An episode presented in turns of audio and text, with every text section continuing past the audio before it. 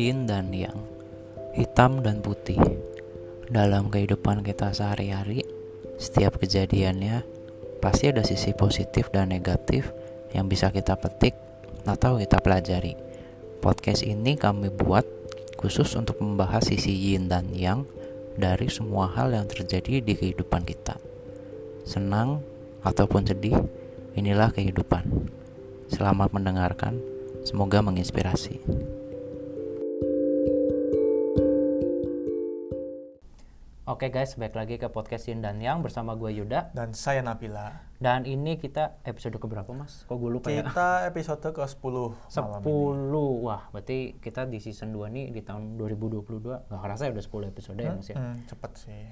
Cepet ya Nah, ini, eh tapi mas kayaknya sebelum kita coba bahas mas episode kali ini Kayak kita coba bahas sedikit dulu mas yang lagi booming nih minggu-minggu ini nih Yang soal binomo Lu ada ini tanggapan nggak? Kalau gue bacanya kok lucu ya?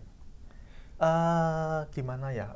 Udah tahu yang lucu tuh bukan di sisi afiliatornya sih. Terus apanya dong? Di sisi user yang udah tahu itu ilegal tapi masih Masih- memproses, masih make masih ya? main itu. Oh, itu bisa yang jadi karena mereka nggak tahu tadinya bukan masalah nggak taunya ya. Mereka tahu udah dikeluarin di TV, di koran, Oh iya sih di internet media itu orang semua tahu Yud nggak mungkin masa orang bisa main saham Mhm. atau binomo Iya. atau option itu Ya, masa nggak tahu berita kayak gitu mereka bisa gunain HP loh bisa baca Ya, dan bisa berpikir tapi kenapa masih main?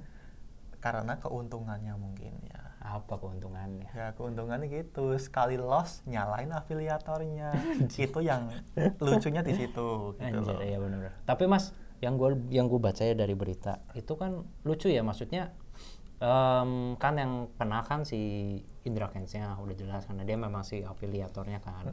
Terus kena juga tuh yang orang-orang yang bersangkut pautan sama itu, yang si Doni kan kemarin terakhir yang kena Ya, juga. betul. Nah, terus yang gua ini yang gua agak kepikiran itu kan katanya di berita eh, si Reza Arab kan juga mau dicek ya Mas ya.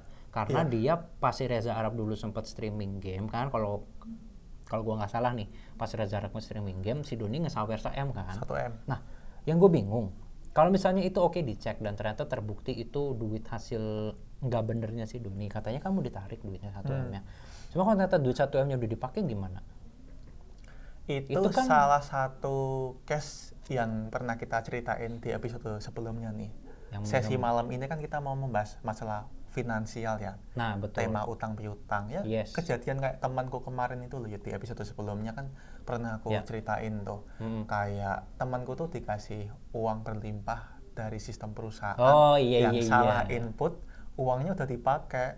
Sama aja kayak gini. Iya benar. Reza Arab Benar, pasti benar, udah benar. make dong. Pasti ini udah berbulan-bulan loh Hmm, hmm, hmm. setelah saweran nyampe kasus ini. Iya. Tapi ya, maksudnya aku lucu sekarang coba oke gini lah.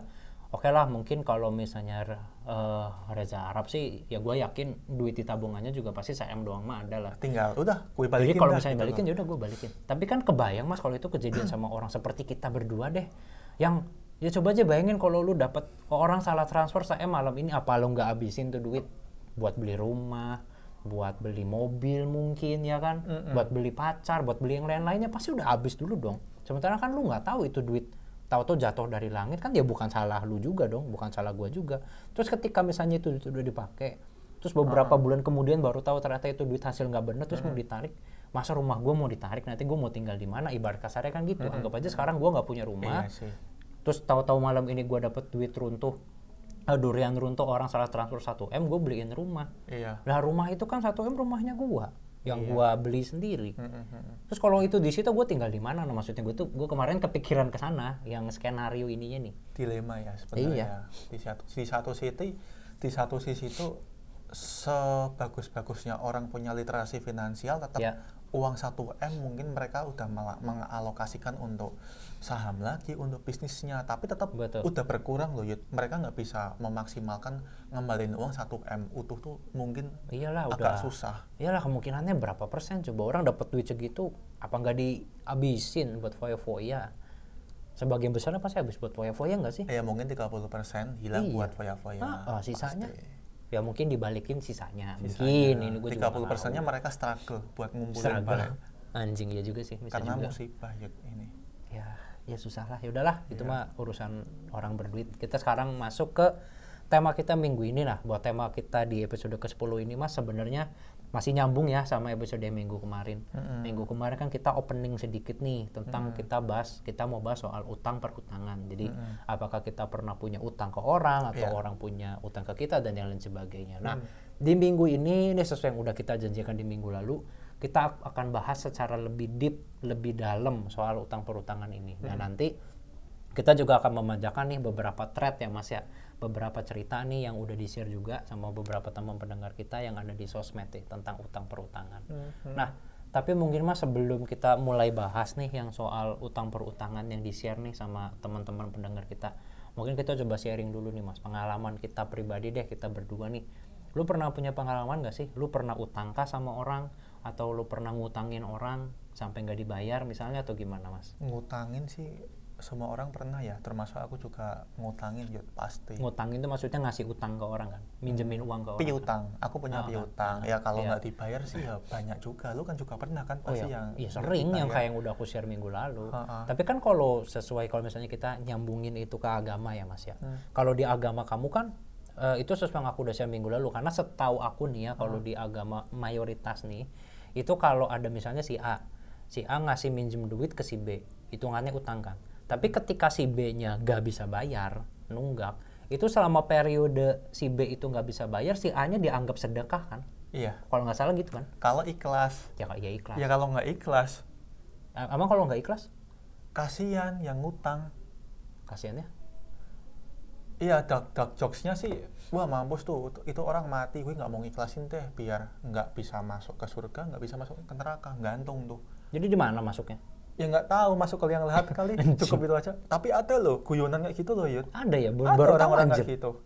Ada, jadi kalau em, mungkin cerita-cerita ya dari orang lama tuh, orang dulu tuh kalau misalkan orang yang ngutangin itu nggak ikhlas, karena nggak dibalikin iya, tuh. Ya, nyampe mati pun orang yang ngutang itu seakan-akan nggak diterima di bumi gitu Anjir. nggak tahu Serem amat. Apalagi yang punya utang nggak dibayarnya lebih parah lagi kali ya. Itu dia. Yang punya utang sengaja nggak dibayar loh ya, bukan karena nggak sanggup terus nggak bayar. Kalau Iya, nggak sanggup mah beda kalau cerita. nggak sanggup beda konteks ya. Tapi ini udah sanggup, kagak bayar. Kagak Nah bayar, ini pura-pura ini lebih lupa. hina lagi nih ini orang nih. Nah terus mas, itu kalau dari eh, eh, dari eh, ini pengalaman kamu ya, berarti Hmm. kamu pernah ngasih pinjem duit ke orang atau ngutangin ke orang, eh orangnya nggak bisa bayar. Bisa Sampai hari ini masih ada. Maksudnya Sampai- sampai, hari ini masih ada orang yang utang ke kamu terus nggak bayar masih ada. Masih ada sih, cuman aku tetap kasih batasan sih. Aku cuman punya uang segini buat ngutangin, buat belanja apa pun. Iya. Kalau kamu nggak bisa balikin, nggak masalah silakan. Hmm, Tak anggap aja Bagus, bagus. sedekah. Tapi kalau kamu bisa balikin, usahakan tepat waktu karena ini uang udah aku alokasikan. Betul. Aku udah kasih batasan di awal kalau mau minjemin uang. Jadi kelihatan kan orang itu beneran mau minjem butuh atau enggak. Betul. Kalau orang itu butuh pasti akan minjem. Tapi kalau orang itu cuma buat main, buat macam-macam, pasti nggak Hmm, berani hmm. kalau udah udah dikasih batasan kayak gitu. Itu kelihatan kok, Yud. Oh kelihatan ya. Kelihatan kok udah meraktekin Gua prinsip nggak pernah begitu. meraktekin begitu sih. pernah. Sebenarnya harus harus dicoba kali ya. harus dicoba karena kita juga punya alokasi sendiri gitu loh nggak semena-mena kita minjemin uang kalau nggak balikin ya udah yang penting udah aku kasih tahu Iya, buat betul. sedekah gitu aja duit tuh udah dikotak-kotakin gitu loh maksudnya. Maksudnya tuh dikotak-kotakin, oh ini buat bayar ini, ini buat bayar ini. Nggak bisa seenaknya toto ada orang minjem terus kita pinjemin terus nggak dibalikin itu burak semua itu rencana kita tuh. Bener hitung-hitungan kita hancur semua jadinya. Tapi gue juga pernah punya tuh mas ya kayak yang gue share minggu lalu lah. Pas zaman kuliah sih ini kejadiannya. Jadi tuh ada temen lah satu kuliah.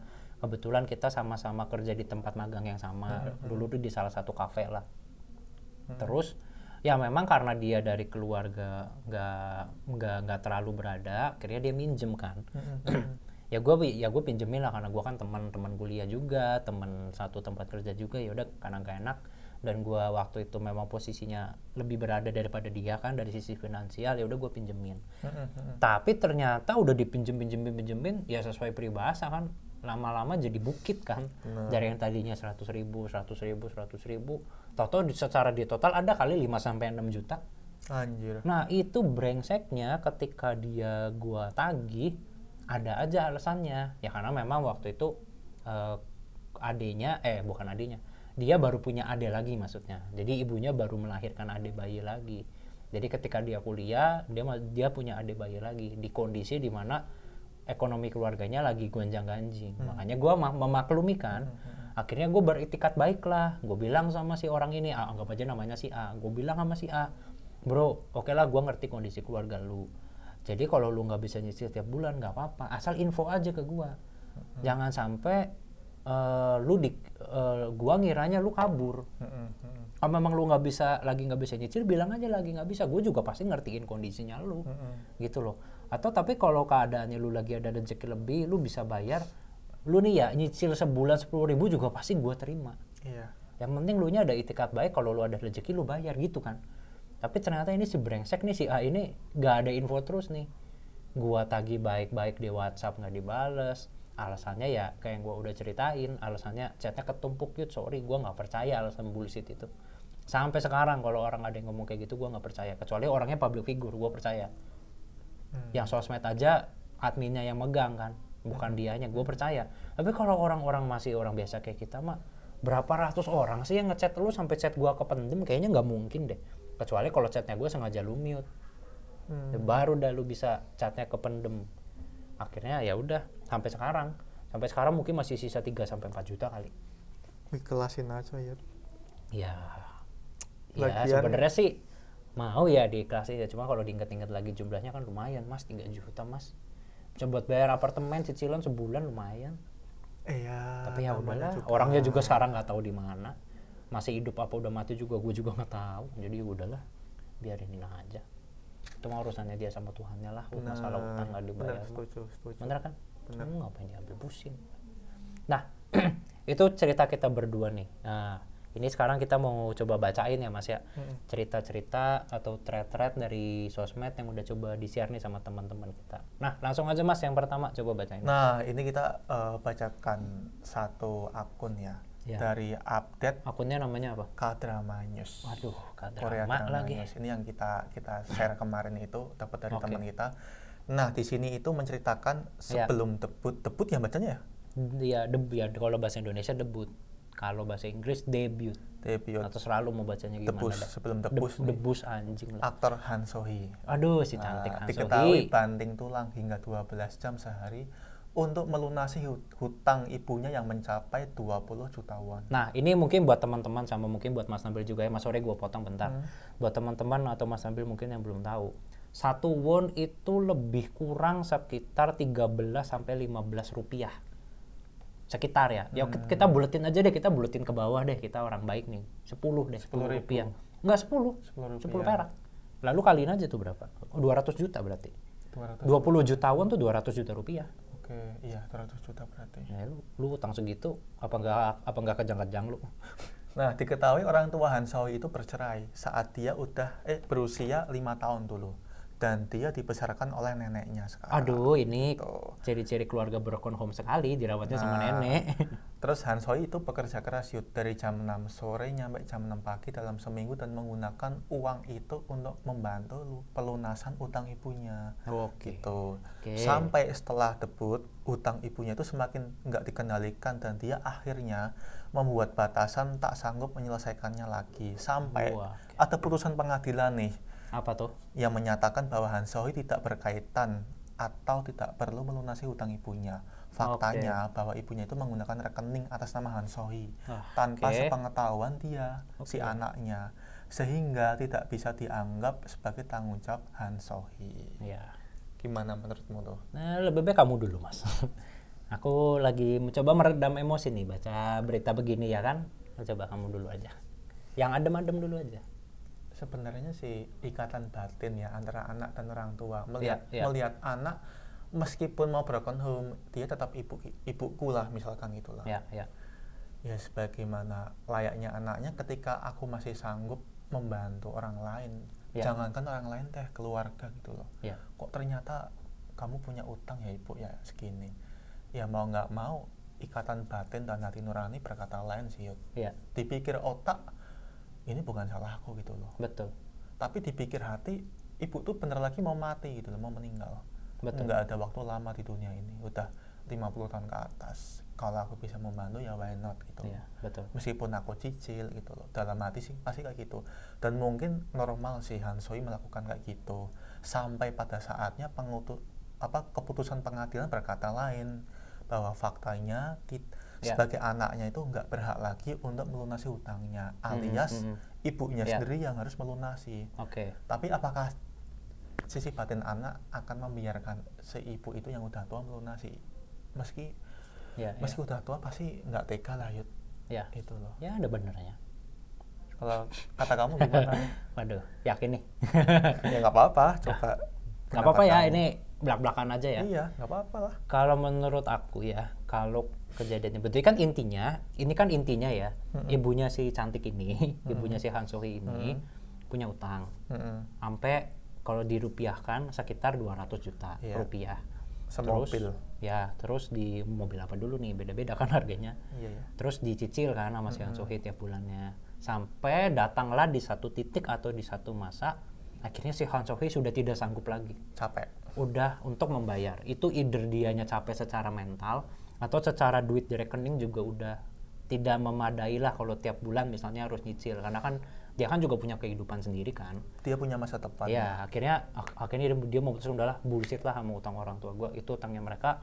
Gue udah bantu sebisa gue ya kan? Sisanya biar mereka yang bayar. I- intinya gitu kan storynya. Iya nah iya. kalau aku ditanya apa pendapatnya, menurut aku ini akan amat sangat kompleks mas untuk kita breakdown ya, sampai kita bisa bener-bener dapat jawaban yang terbijak, sebijak mungkin itu nge-breakdownnya bakal capek. Kayak misalnya contoh, seperti yang udah kamu bilang tadi pertamanya, gimana relasi si Han Sohee sama ibunya atau sama orang tuanya. Kalau memang ternyata dia nggak dekat atau secara emosional tidak terattach kan ibaratnya, Mm-mm. ya bisa jadi dia nggak mau bayar utangnya ya karena dasar atas dasar masa bodoh Tapi- bukan karena capek. tapi atas nama rekeningnya dia. Tapi Iya. dia nggak tahu itu yang jadi Nah. masalah. Terus kalau udah breakdown dikit lagi itu oke utang. Utang ibunya. Buat apa dulu utangnya? Sekarang mas oke aku eh, mungkin aku nggak tahu ya kamu pernah eh, ngalamin atau dengar cerita apa enggak. Tapi aku pernah dengar cerita nih mas temennya aku nih. Ya ya masih seumuran kita lah ya masih merintis karir gitulah. Orang tuanya punya utang jumlahnya nggak kecil nih puluhan juta. Ketika ditanya lah pasti sama anaknya kan lu utang segitu utang apaan? Gede banget tuh duit gitu kan. Orang tuanya bilang oh itu sebenarnya utang udah dari zaman dulu. Dari zaman lu masih sekolah gue nggak punya duit buat nyekolahin lu. Gue pinjam ke orang ya kan? Ke temen lah ke temennya si orang tuanya. Bunganya ngegulung terus tiap tahun tiap tahun tiap tahun tiap tahun. Akhirnya meledak pas si anaknya ini udah udah lagi kerja pas orang yang ngutanginnya udah mungkin kebakaran jenggot udah nggak tahan kayak akhirnya disuruh bayar saat itu juga. Kalau enggak si eh, orang tuanya temanku ini mau dimasukin penjara.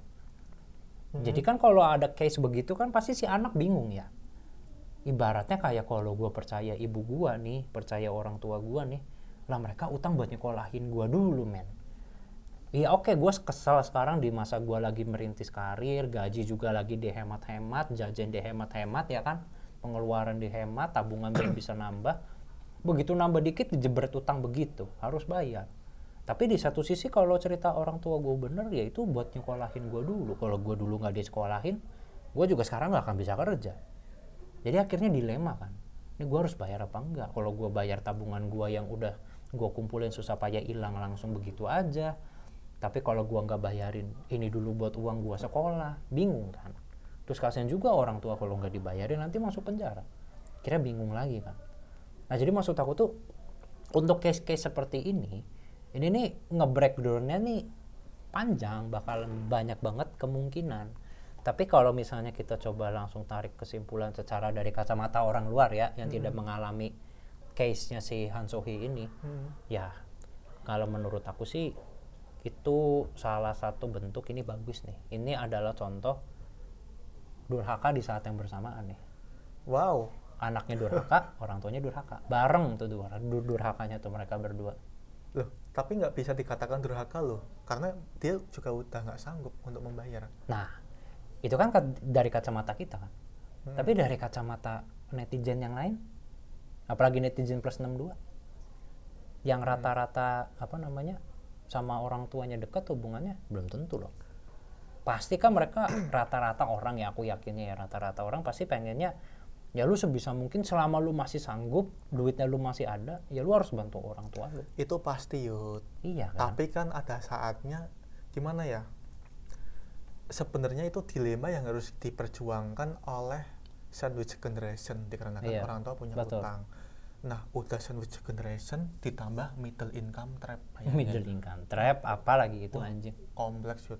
itu apaan tuh mas itu aku baru dengar tuh middle masa income lu- trap lu baru tahu? sumpah baru dengar apaan tuh Nah, jadi middle income trap itu adalah eh, situasi di mana Heeh. eh, coba di googling dong nih nih situasi di mana gue buka ini. Ini ada Ya, ya, berita so- dari kompas.com yang valid. ya, kompas gitu. nih valid nih Valid nih. apa-apa Jebakan pendapatan kelas menengah secara garis besar, Hmm. middle income trap itu adalah istilah yang mengacu pada keadaan ketika Iya. sebuah negara berhasil mencapai ke tingkat pendapatan menengah, iya tetapi tidak dapat keluar dari tingkatan tersebut untuk menjadi negara maju. oh jadi stuck di situ-situ Stuck aja situ-situ terus. Oke. Ya, itu sudah termasuknya mungkin banyak sisi sih dikatakan skillnya orang juga mungkin kurang berkembang untuk iya cari passive income, Mm-mm. terus juga terhimpit dari salah satunya keadaan kayak sandwich generation, Iya, keadaan itu ekonomi berat sih keluarga, itu. berat banget. berat Nah, berat. Tapi ya apa tuh susah juga. Ya pokoknya intinya kalau kalau menurut aku tadi mah gitulah dua-duanya durhaka lah. Ya orang tuanya ya itu tadi. Karena tahu-tahu ngutang pakai rek- buka rekening atas namanya si Han Sohee kan. Mm-mm. tanpa sepengetahuannya Han Sohee itu. Ya itu udah jelas salah lah.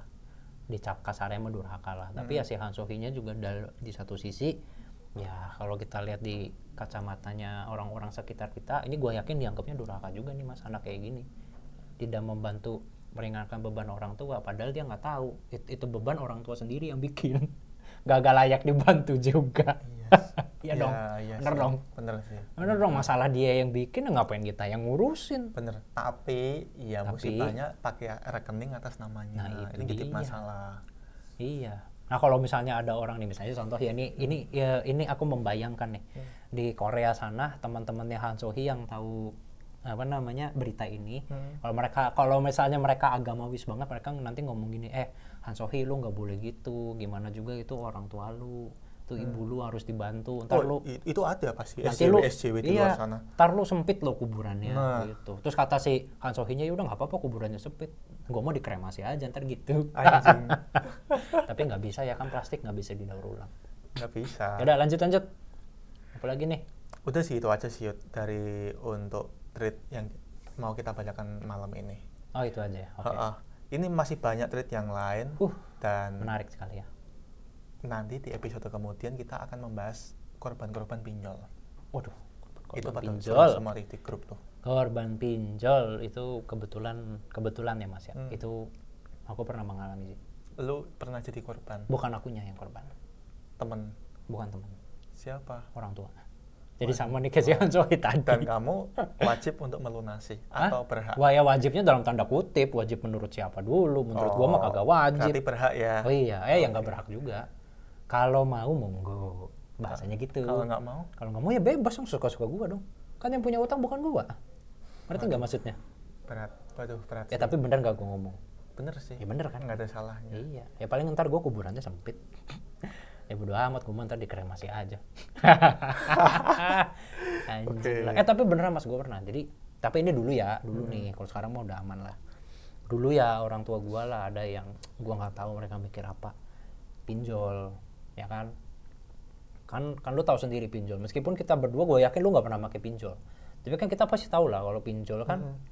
bunganya Tinggi. jahat kan, ngegulungnya kan. Kalau lu nggak bisa bayar, gulungnya tuh parah tuh.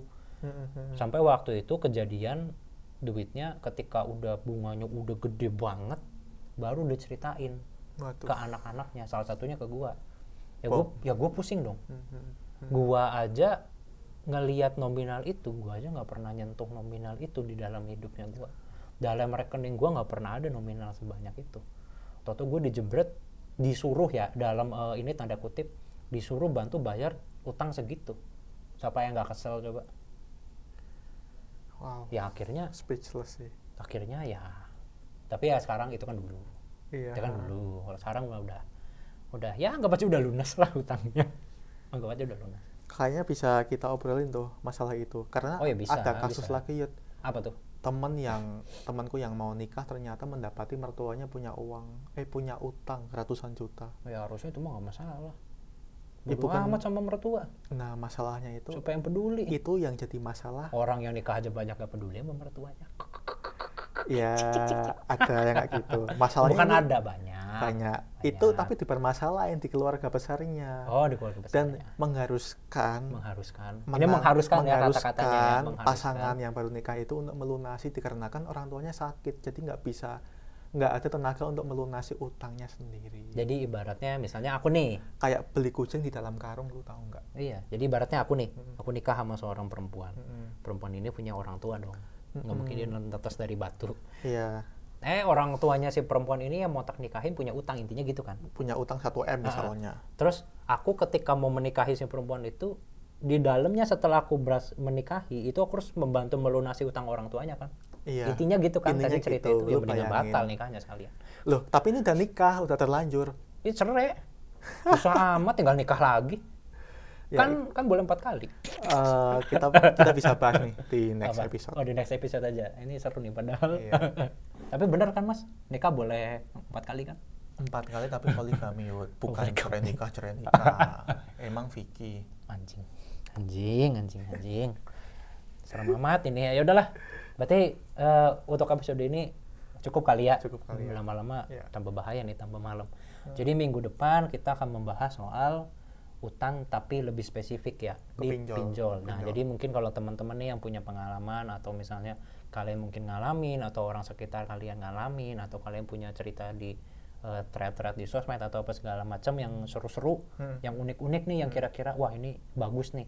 Di-share aja ke kita, nanti akan kita baca minggu depan kita Boleh. akan bahas nggak apa-apa cerita personal nggak apa-apa cerita personal.